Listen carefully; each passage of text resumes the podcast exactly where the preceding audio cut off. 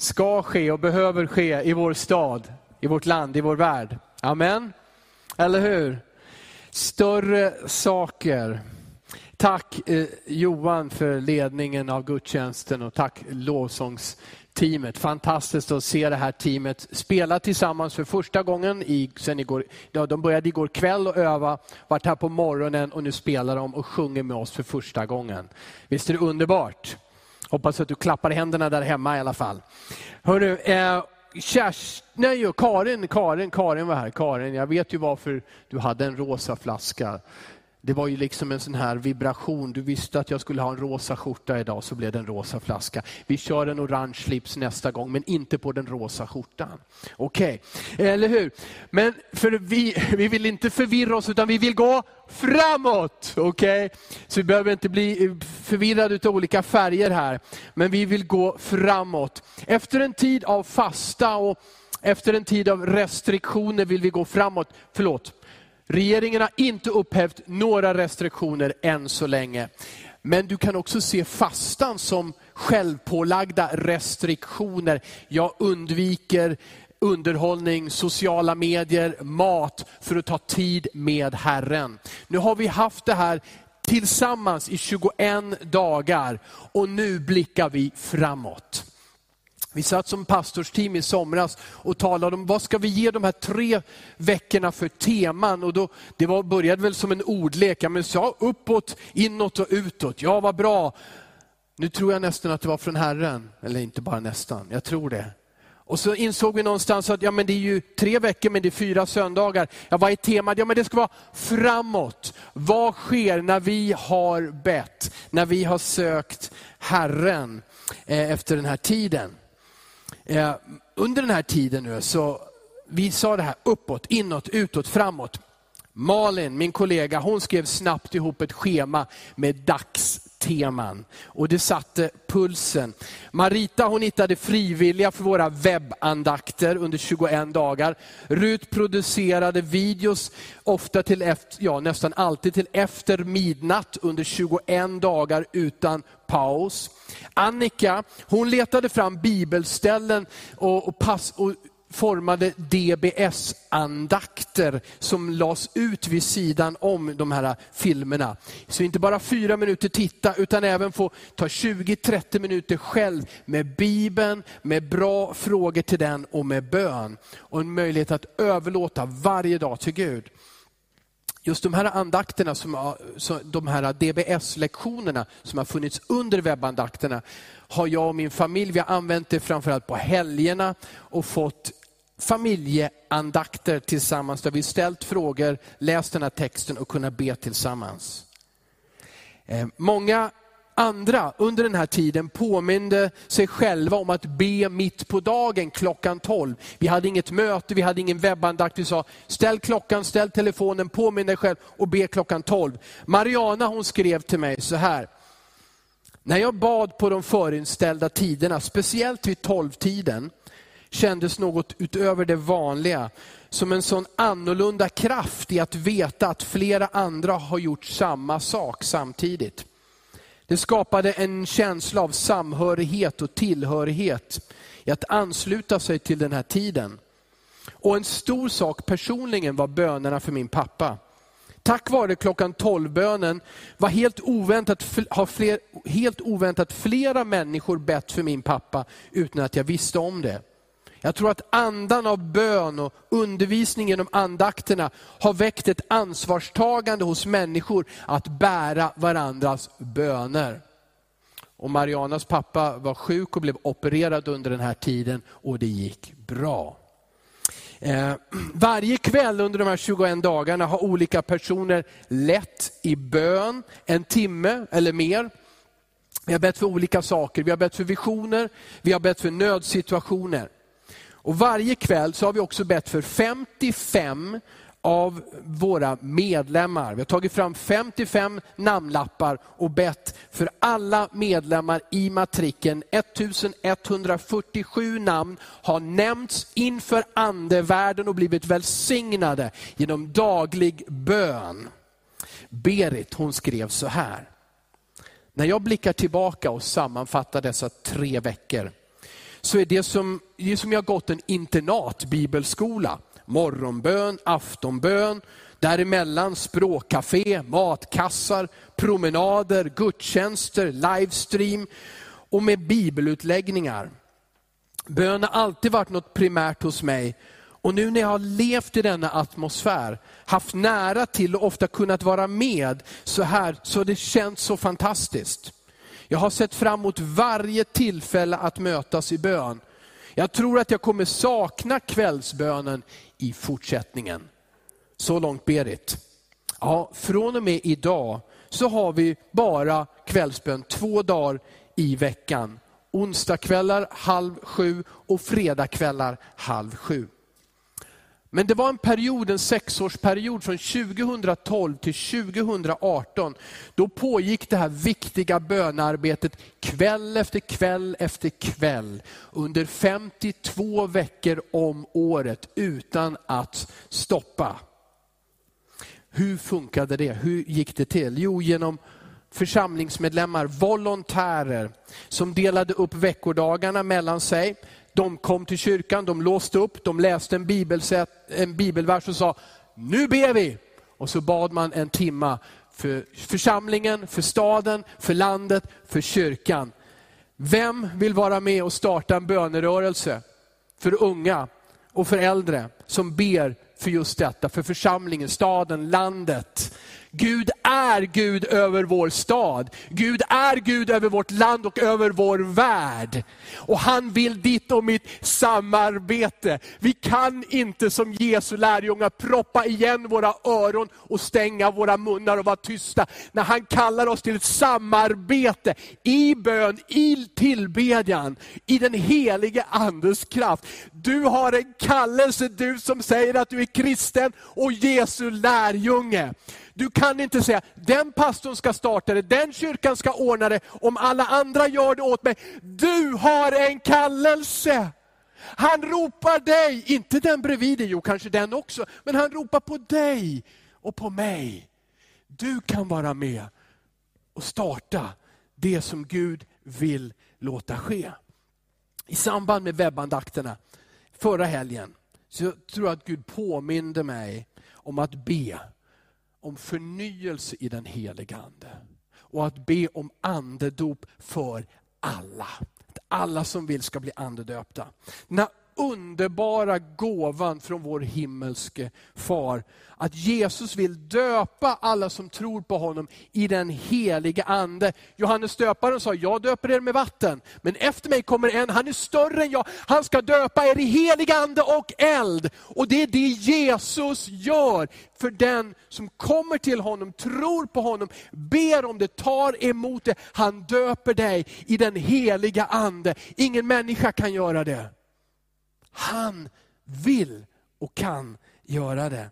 En väckelse börjar alltid med församlingen. Och jag ber om en andedops väckelse. Det finns ingenting som kan sätta ett torrt hjärta i brand som den heliga Ande. Det finns ingen, ingen som kan skapa en passion för människor som den helige Ande. Som kan fylla på kärlek i ett överflöd och låta livet bara brista fram så det kommer ut genom ögon, och mun och näsa, överallt.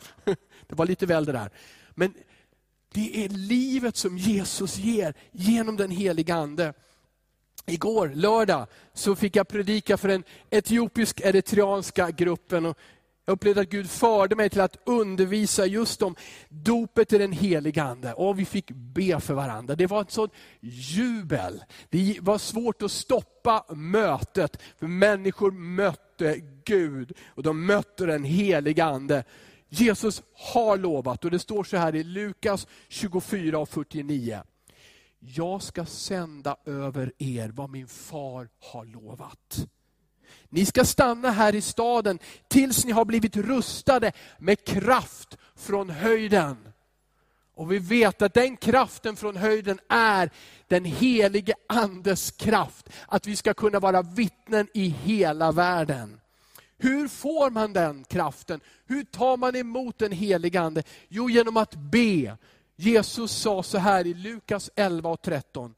Om nu ni som är onda till och med förstår att ge goda gåvor till era barn, hur mycket mer ska då inte er far i himlen ge den helige ande åt dem som ber honom. Han har lovat det, han gör det, han ger den som ber. Den som ber ska få, amen. Den som söker ska finna, den som bultar för honom ska dörren öppnas. Är det sant? Jesus har sagt det, ja det är sant. Han döper dig i den helige Ande för att ge dig kraft för ditt liv, för ditt vittnande, för ditt bedjande. Han är med dig. Han har lovat det och det här löftet gäller alla. Bara be om det. Sök förbön, sök handpåläggning. Ja, sprita händerna, men sök handpåläggning. Jesus är likadan idag. Han är densamme. Hans löften var sanna igår och de är sanna idag och de gäller och går i uppfyllelse för den som tror och ber. Amen. Marianne skrev så här, mitt mål med förbönen har varit att de så kallade ensamkommande ska förstå livet med Jesus och kraften som finns i den heliga Ande. Vilket bönemål för oss alla! Att förstå livet med Jesus och kraften i den heliga Ande. Men Gud har gett Marianne en särskild bönebörda att be för de ensamkommande. Och vad jag älskar församlingen i all dess mångfald, enskilda och tillsammans. Där den heliga Ande ger gåvor, lägger saker på våra hjärtan, på ditt hjärta, på ditt hjärta, på ditt hjärta, på mitt. Han ger unika gåvor till var och en. Och så gör han det till ett samspel. Det är som dirigenten för en stor orkester. Men han eller hon leder den orkestern, en symfoni, där var och en har ett instrument, men var och en får också en kraft och en melodi ifrån himlen och spelar och det blir vackert så att det berör hjärtan och förändrar människor. Jesus är en, den helige Ande är en dirigent och du är en av instrumentalisterna. Han vill att du ska vara med och spela. Han har gett dig en gåva han har gett dig gåvor, han har gett dig kraft. Vad jag älskar församlingen med dess uppdrag att ge hopp till mänskligheten och rädda människor för evigheten. Framåt. Vi ska framåt, inte bakåt. En förnyelse av dopet i den heliga Ande, det är en nyckel till att brinna, till att bli passionerad, till att få glädje till att läsa Bibeln, till att vilja be. Dopet i den heliga Ande är en nyckel till den här glädjen. Igår kväll, på det sista av de här 21 kvällsbönemötena, så delade Torbjörn ett profetiskt ord från Jesaja kapitel 43, vers 18-21. står så här i Jesaja 43. Tänk inte på det som har hänt. Bry er inte om det som var förr. Se, jag gör något nytt. Redan nu visar det sig. Märker ni det inte? Jag ska göra en väg i vildmarken och strömmar i öknen. Markens djur ska ära mig, schakaler och strutsar. För jag förser vildmarken med vatten och öknen med strömmar, så att mitt folk, mina utvalda, kan dricka. Det folk som jag format åt mig ska höja mitt lov. Vilken bibelvers, vilken profetia. Senare igår kväll så delade han det med en grupp som ber på Messenger. Sen mitten av mars, det var Mariana som tog initiativ till det, så ber 50, det finns 50-60 personer i gruppen. Alla ber inte samtidigt och varje kväll.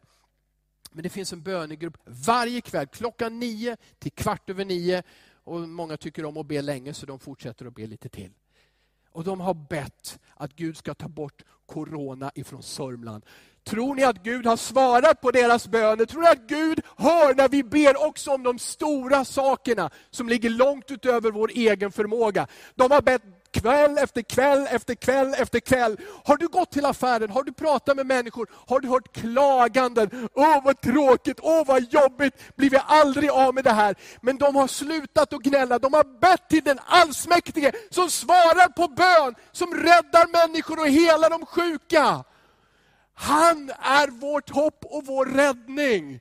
De har bett och där delade Torbjörn de här orden, därför vill jag läsa dem igen ur Jesaja 43. Tänk inte på det som har hänt. Bry er inte om det som var förr. Se, jag gör något nytt. Redan nu visar det sig. Märker ni det inte? Jag ska göra en väg i vildmarken och strömmar i öknen. Påminner mig om den andakt som Allan höll i morse. Där han läste vad Jesus sa till lärjungarna. Lyft blicken och se, skörden har, välten har vitnat till skörd. Se inte bara framför dina fötter vad som är nästa steg med en rädsla för att gå fel. Lyft blicken, se Jesus, se människorna, se att människor idag söker Jesus. Se att människor idag längtar efter problem, äh, längtar efter att komma ut ur problemen, ut ur ensamheten, in i friheten. Du har Jesus i ditt hjärta, du har ett budskap i ditt hjärta och på dina läppar. Ge det vidare. Lyft din blick och gå stadigt Följ Jesus och se människorna runt om dig. Lola skrev så här. Jag tror Jesus vill ge oss en andeväckelse igen. Jag har ju upplevt väckelsen i församlingen när hela sidosalen var full av bedjare efter varje möte. Och mycket tungotal och även med uttydning på tungotal. Jag har bett ett bra tag att hela kyrkan ska fyllas av liv. Även för mig själv förstås. Det här skrev hon till mig efter onsdagen då jag berättade att jag vill att vi ska be om en andedopsväckelse. Och så skrev Lola så här också. Jag är så glad att här hemma har Jesus gett mig nåden att sjunga i anden. Det är nytt för mig. Har fått sjunga i anden även sånger jag kan på svenska. En märklig upplevelse. Jag kan bara tacka. Jag tror vi får uppleva ett genombrott. Lola, jag tror med dig att vi får uppleva ett genombrott. Jag ber om det är Ett vittnesbörd också, att Gud inte bara rör den som är i kyrkan. Han rör den som är hemma och ber och tror. Du som är med och tittar och deltar med ditt hjärta, med dina böner i lovsång. Han berör dig. Jag sjung i anden. Gör det som Herren säger åt dig att göra där hemma. Profetera. Är du frisk? Jag bjuder in några andra friska då, att vara hemma med dig om du ännu inte får komma till kyrkan. Vi har fortfarande 50-gränsen. Vi har fortfarande begränsningar för de som är i riskgrupper. Men bjud in några som är trygga och säkra i ditt hem. Titta tillsammans, be tillsammans, samtala om vad Gud gör och hur ni kan vara med. Amen. Ska församlingen gå framåt eller bakåt? Det beror på dig. Inte bara på dig.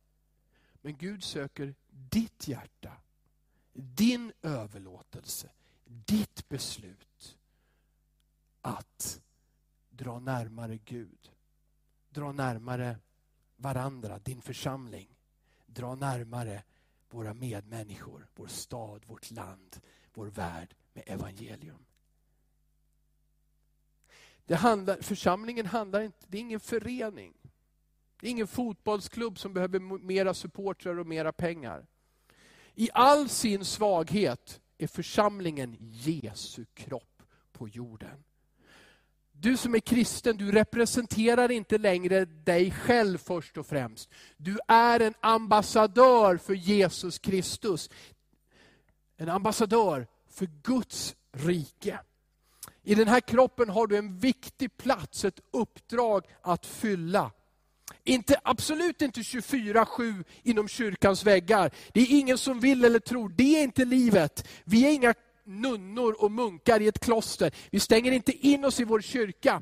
Men vi är genom Guds ande förbundna med Guds, med Jesu kropp på jorden. Och vi håller och hänger samman. Du har din plats och du har människor runt om dig. Du har din församling. Vi ska strax läsa en kort bibeltext som poängterar valet mellan framåt och bakåt. Jag ska bara ge några korta kommentarer, sen ska vi be och söka Herren i bön och i lovsång tillsammans. Jag kommer att förbinda den här bibeltexten med devisen som sitter på väggen sedan nästan två år tillbaka. Närmare Gud, närmare varandra och närmare våra medmänniskor. Det här är från Lukas kapitel 9. Jag läser från vers 51. Tillåt mig att läsa lite längre, så har du en bibel med dig eller har du den bredvid datorn, ta fram den. Texten kommer också att synas. Men jag läser Lukas 9.51 fram till kapitel 10, vers 3. Sen kommer jag bara fokusera på sex av de där verserna i mitten, 57 till 62. De är speciellt viktiga, för i vers 57 står det, de vandrar vägen fram. Det är alltså Jesus och hans lärjungar. De vandrar vägen fram. Men sen avslutar Jesus med de här orden i vers 62. Den som blickar bakåt passar inte för Guds rike. Ett val mellan framåt eller bakåt. Det står så här i vers 51. När tiden för hans upptagande var inne vände han sitt ansikte mot Jerusalem, fast besluten att gå dit. Han sände budbärare framför sig. De gick iväg och kom in i en samarisk by för att förbereda hans ankomst. Men folket tog inte emot honom eftersom han var på väg mot Jerusalem. När lärjungarna Jakob och Johannes såg det sa de, Herre, vill du att vi ska kalla ner eld från himlen som förtär dem? Jesus vände sig om och tillrättavisade dem. Och så gick de vidare till en annan by. Nu kommer jag till vers 57. Medan de vandrade vägen fram, eller framåt, sa någon till honom, jag vill följa dig vart du än går. Jesus svarade honom, rävarna har lyor och himlens fåglar har bon, men Människosonen har ingenstans att vila sitt huvud. Till en annan sa Jesus, följ mig. Mannen svarade, Herre låt mig först gå och begrava min far. Jesus sa till honom, låt de döda begrava sina döda, men gå du och förkunna Guds rike. En annan sa, jag ska följa dig, Herre, men eh, låt mig först ta farväl av min familj. Jesus svarade, den som sätter handen till plogen och sedan blickar bakåt passar inte för Guds rike. Därefter utsåg Herren 70 andra och sände dem framför sig två och två till varje stad och plats dit han själv skulle komma. Han sa till dem, skörden är stor men arbetarna är få. Be därför skördens Herre att han skickar ut arbetare till sin skörd. Gå, se jag sänder er som lamm bland vargar ska inte kommentera alls hela det här, men verserna 57 till 62. Vi läser om hur Jesus kallar, tränar, utrustar sina lärjungar att vittna om livet som han ger. Om frälsningen, om friheten, om meningen som finns för alla människors liv. Så möter vi här tre aspiranter på att följa Jesus. Vi läste i vers 57, medan de vandrade vägen fram sa någon till honom, jag vill följa dig vart du än går. Matteus evangeliet berättar att det här var en skriftlärd som kom till Jesus och sa det. Det var en lärare och det står i Matteus att han, han gav Jesus titeln lärare. Jag vill följa dig vart du än går. Men Jesus svarar inte hurra och välkommen, kom igen. Utan han svarar som han gör Rävarna har lyor och himlens fåglar sina bon, men Människosonen har ingenstans att vila sitt huvud. Människosonen det är Jesus själv, han talar om sig själv. Jesus varken avslår eller accepterar mannens erbjudande att följa honom. Jesus svar här, det är inte beklagande, det är triumferande. Låt mig skriva om vad Jesus säger. Han säger, det finns ingenting som håller mig tillbaka.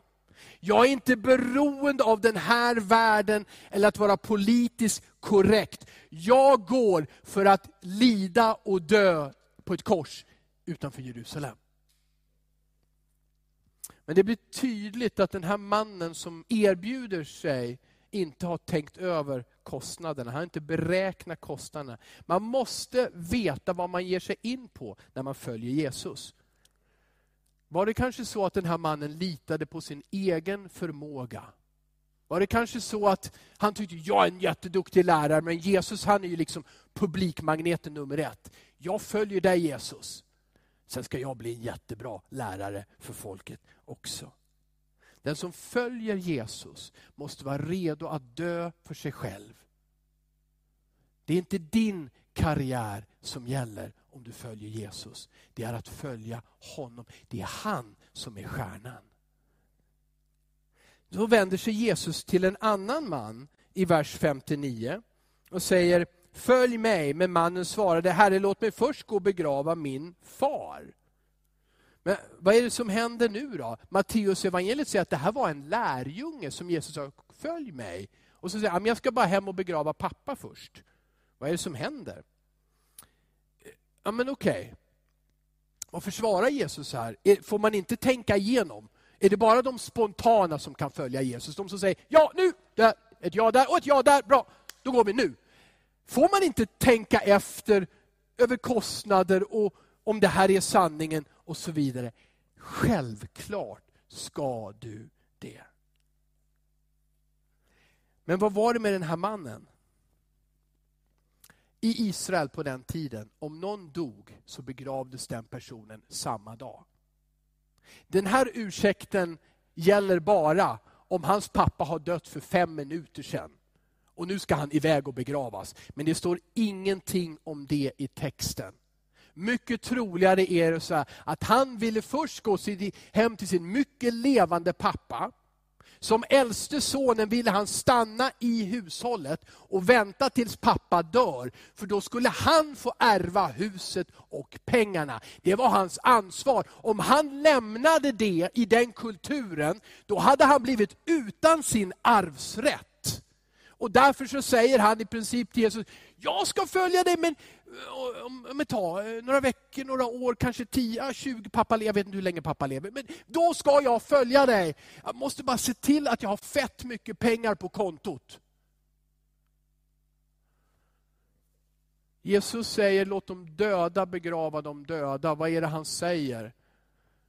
Jag tror att han säger låt de som är andligt döda och och begrava sitt arv och vad de vill. De som följer mig har fått liv av mig. De lever och de vet att det är nu jag kallar dig. Det är nu jag kallar dig att följa mig, att tro på mig, att tjäna mig. Det är nu du ska ta ditt beslut. Och så har vi en tredje aspirant också i vers 61 och 62. En annan sa, jag ska följa dig Herre, men låt mig först ta farväl av min familj. Än en gång kommer ett tufft svar från Jesus. Han säger, den som sätter handen till plogen och sedan blickar bakåt passar inte för Guds rike. För din och min skull kan Jesus inte acceptera halvhjärtenhet. Det går inte samman med Guds rike. Att säga, jag gör det här, Gud välsigna mig så det går bra på arbetet bra i familjen. Ge mig pengar, ge mig vänner. Välsigna mig. Nu vill jag göra det, nu vill jag resa dit. Det är det här. Åh, ja, jag ska gå till kyrkan. Åh, det var länge sedan jag var i kyrkan. Åh, där finns fattiga människor också. Åh, ja, ja, men jag behöver mina pengar själv. Det går inte att vara i Guds rike och följa Jesus om vi är halvhjärtade. Därför så säger Jesus, den som har satt handen till plogen, och en ploge på den tiden, du, du plöjer upp en åker, en fåra eller många fåror, fram och tillbaka. Hårt arbete, får bort stenar, öppnar jorden för att kunna lägga ner säden. Det här var små plogar, en spets där framme och så antagligen två handtag. Och så var, hade du antagligen ett djur som drog det åt dig, annars var det fruktansvärt svårt. Men den här lilla plogen, vad händer om du tittar till vänster och du tittar till höger och du tittar till vänster? Vad får du för fåror på den åken? Det går hit och dit. Hur ska du kunna så i den åken? Och eftersom den är så liten så tittar du bakåt. Kan du vara rätt säker på att den plogen välter? Och Jesus säger det som är helt naturligt. Om du har satt handen till plogen, om du har sagt ja Jesus, du är min Herre, jag följer dig då kan du riskera att förstöra precis allting för dig själv och för andra. Om du tittar åt höger och vänster och längtar åt ett annat håll. Eller till och med tittar bakåt och tänker, ja på den tiden hade jag en bättre lön och ingen vän hade kallat mig för en dum kristen eller något sånt där. Det var bättre. Om du gör det, då välter ditt liv och din tjänst. Och Jesus, det är inte jag som säger, det är Jesus som säger, du passar inte för Guds rike. Oj. Vill du gå vägen fram med Jesus? Eller vill du hellre gå bakåt? Eller är det tryggast att bara stå still? Lyft din blick. Se på Jesus och se den världen som han har gett sitt liv för. Framåt innebär närmare Gud, närmare varandra, närmare våra medmänniskor. Inte att vi ska skriva det överallt och på tröjan och, och vad som helst. Det kan du göra om du vill. Jag skulle bli stolt och glad om du gjorde det. Men låt oss ha det i våra hjärtan.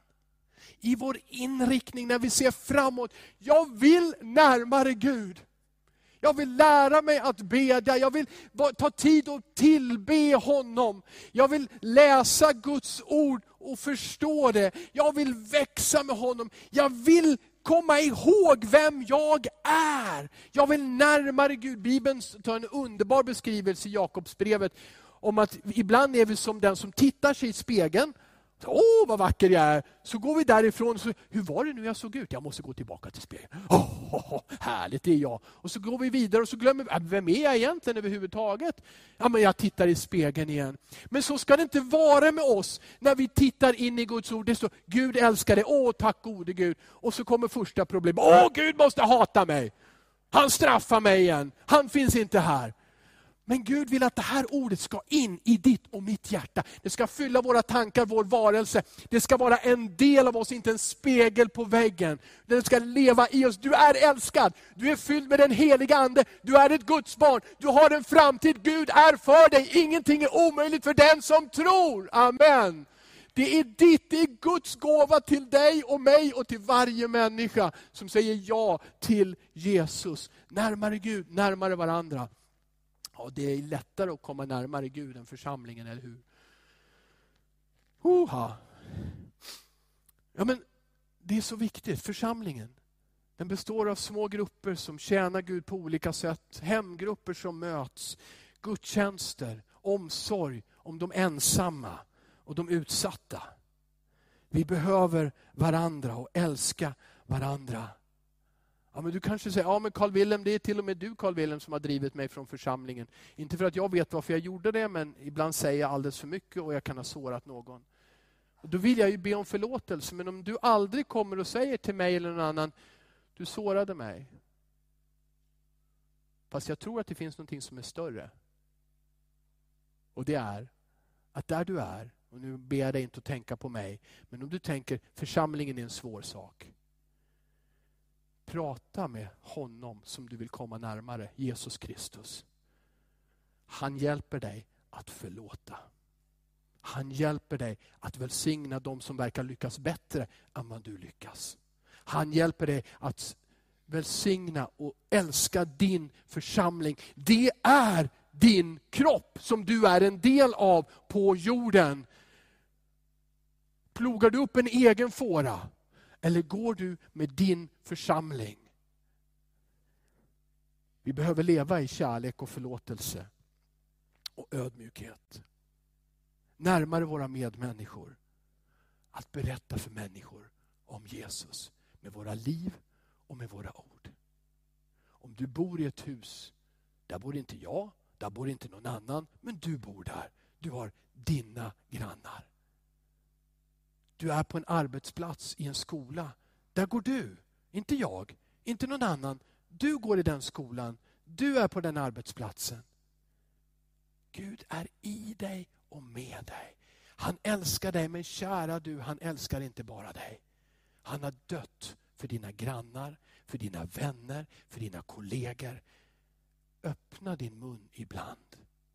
Ge ofta kärleksgärningar bevis på att Guds kärlek är i dig och den gäller alla. Närmare Gud, närmare varandra och våra medmänniskor. Men det kan vara tufft. Det gäller att ha mod. Ja, men du, låt mig påminna om gåvan. När den helige ande kommer över er ska ni få kraft och bli mina vittnen. När den heliga Ande kom över Petrus, då ställde han sig upp och så predikade han för tusentals, kanske tiotusentals. Och 3000 tyckte det var så bra att de omvände sig från sitt gamla liv, följde Jesus, lät döpa sig. Amen. I den helige Ande finns det mod, finns det kraft, finns det passion, finns det kreativitet att följa honom och tjäna honom där vi är. Bed om att bli fylld med den helige Ande. Sök med eh, andra kristna som lägger sina händer på dig. Har du blivit döpt i den helige Ande, tala ofta i tungor, i det nya bönespråk som du har fått. Använd det. Låt den helige Ande leda dig och bli förnyad i den helige Ande. Dag efter dag, hela tiden. Det här utesluter inte att du förbereder dig. För Petrus han var ju spontan, det lär vi oss i Bibeln. Och han stod upp på pingstdagen, han predikade och pang bom. Vet du att Petrus skriver också så här i sitt brev, första brev kapitel 3, vers 15 och 16. Var ständigt beredda att svara var och en som ber er förklara det hopp ni har. Men gör det ödmjukt, med respekt och ett rent samvete. Förbered dig också. Ja, sök den helige Ande och hans kraft. Och det mod och de gåvor som han lägger i dig. Men förbered dig också. Ska du anmäla dig till Kairos-kursen? Ska du vara med på onsdagskvällar online eller fysiskt bland de max 50?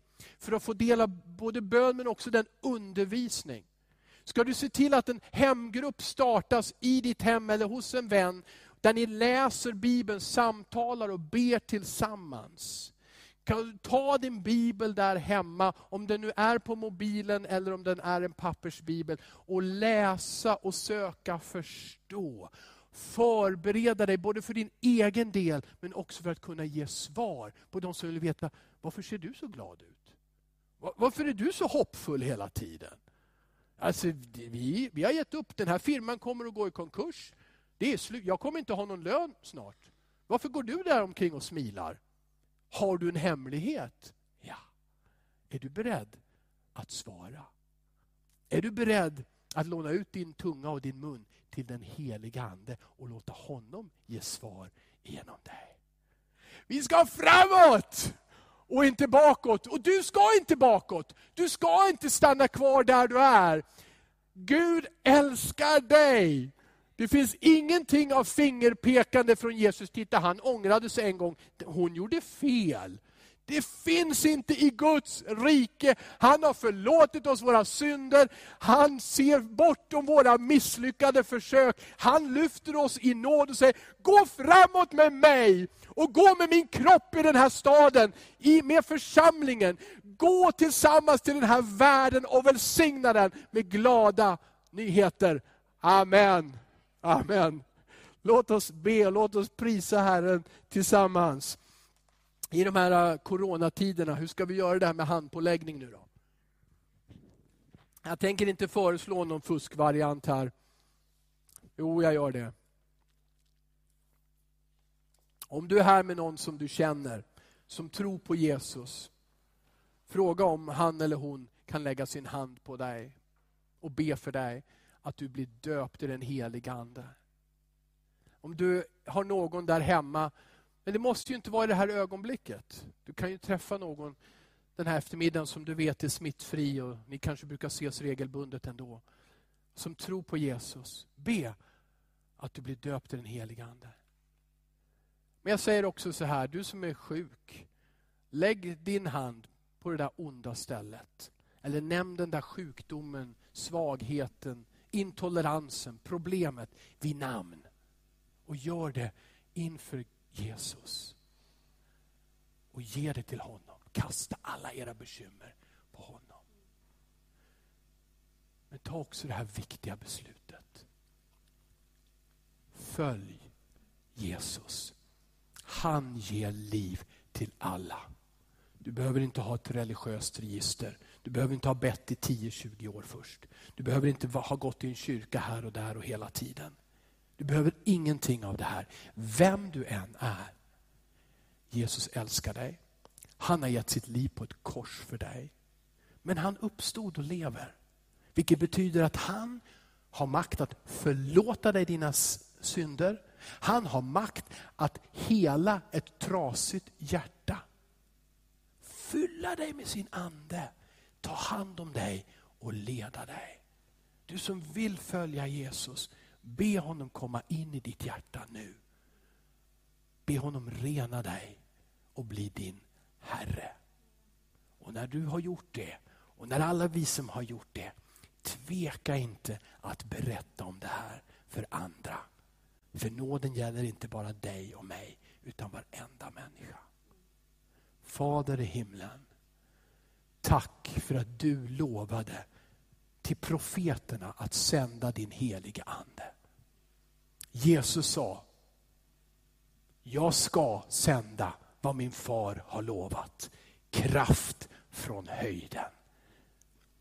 Du heligande, du kom och du är här. Du påminner oss om vad Jesus har sagt. Du leder oss i all sanning. Och du vill ge oss en kraftutrustning utöver det mänskliga, begränsade av restriktioner eller vad som helst. Du vill ge oss den helige Andes kraft och gåvor. Kom nu över alla som sträcker sig ut efter dig och ber.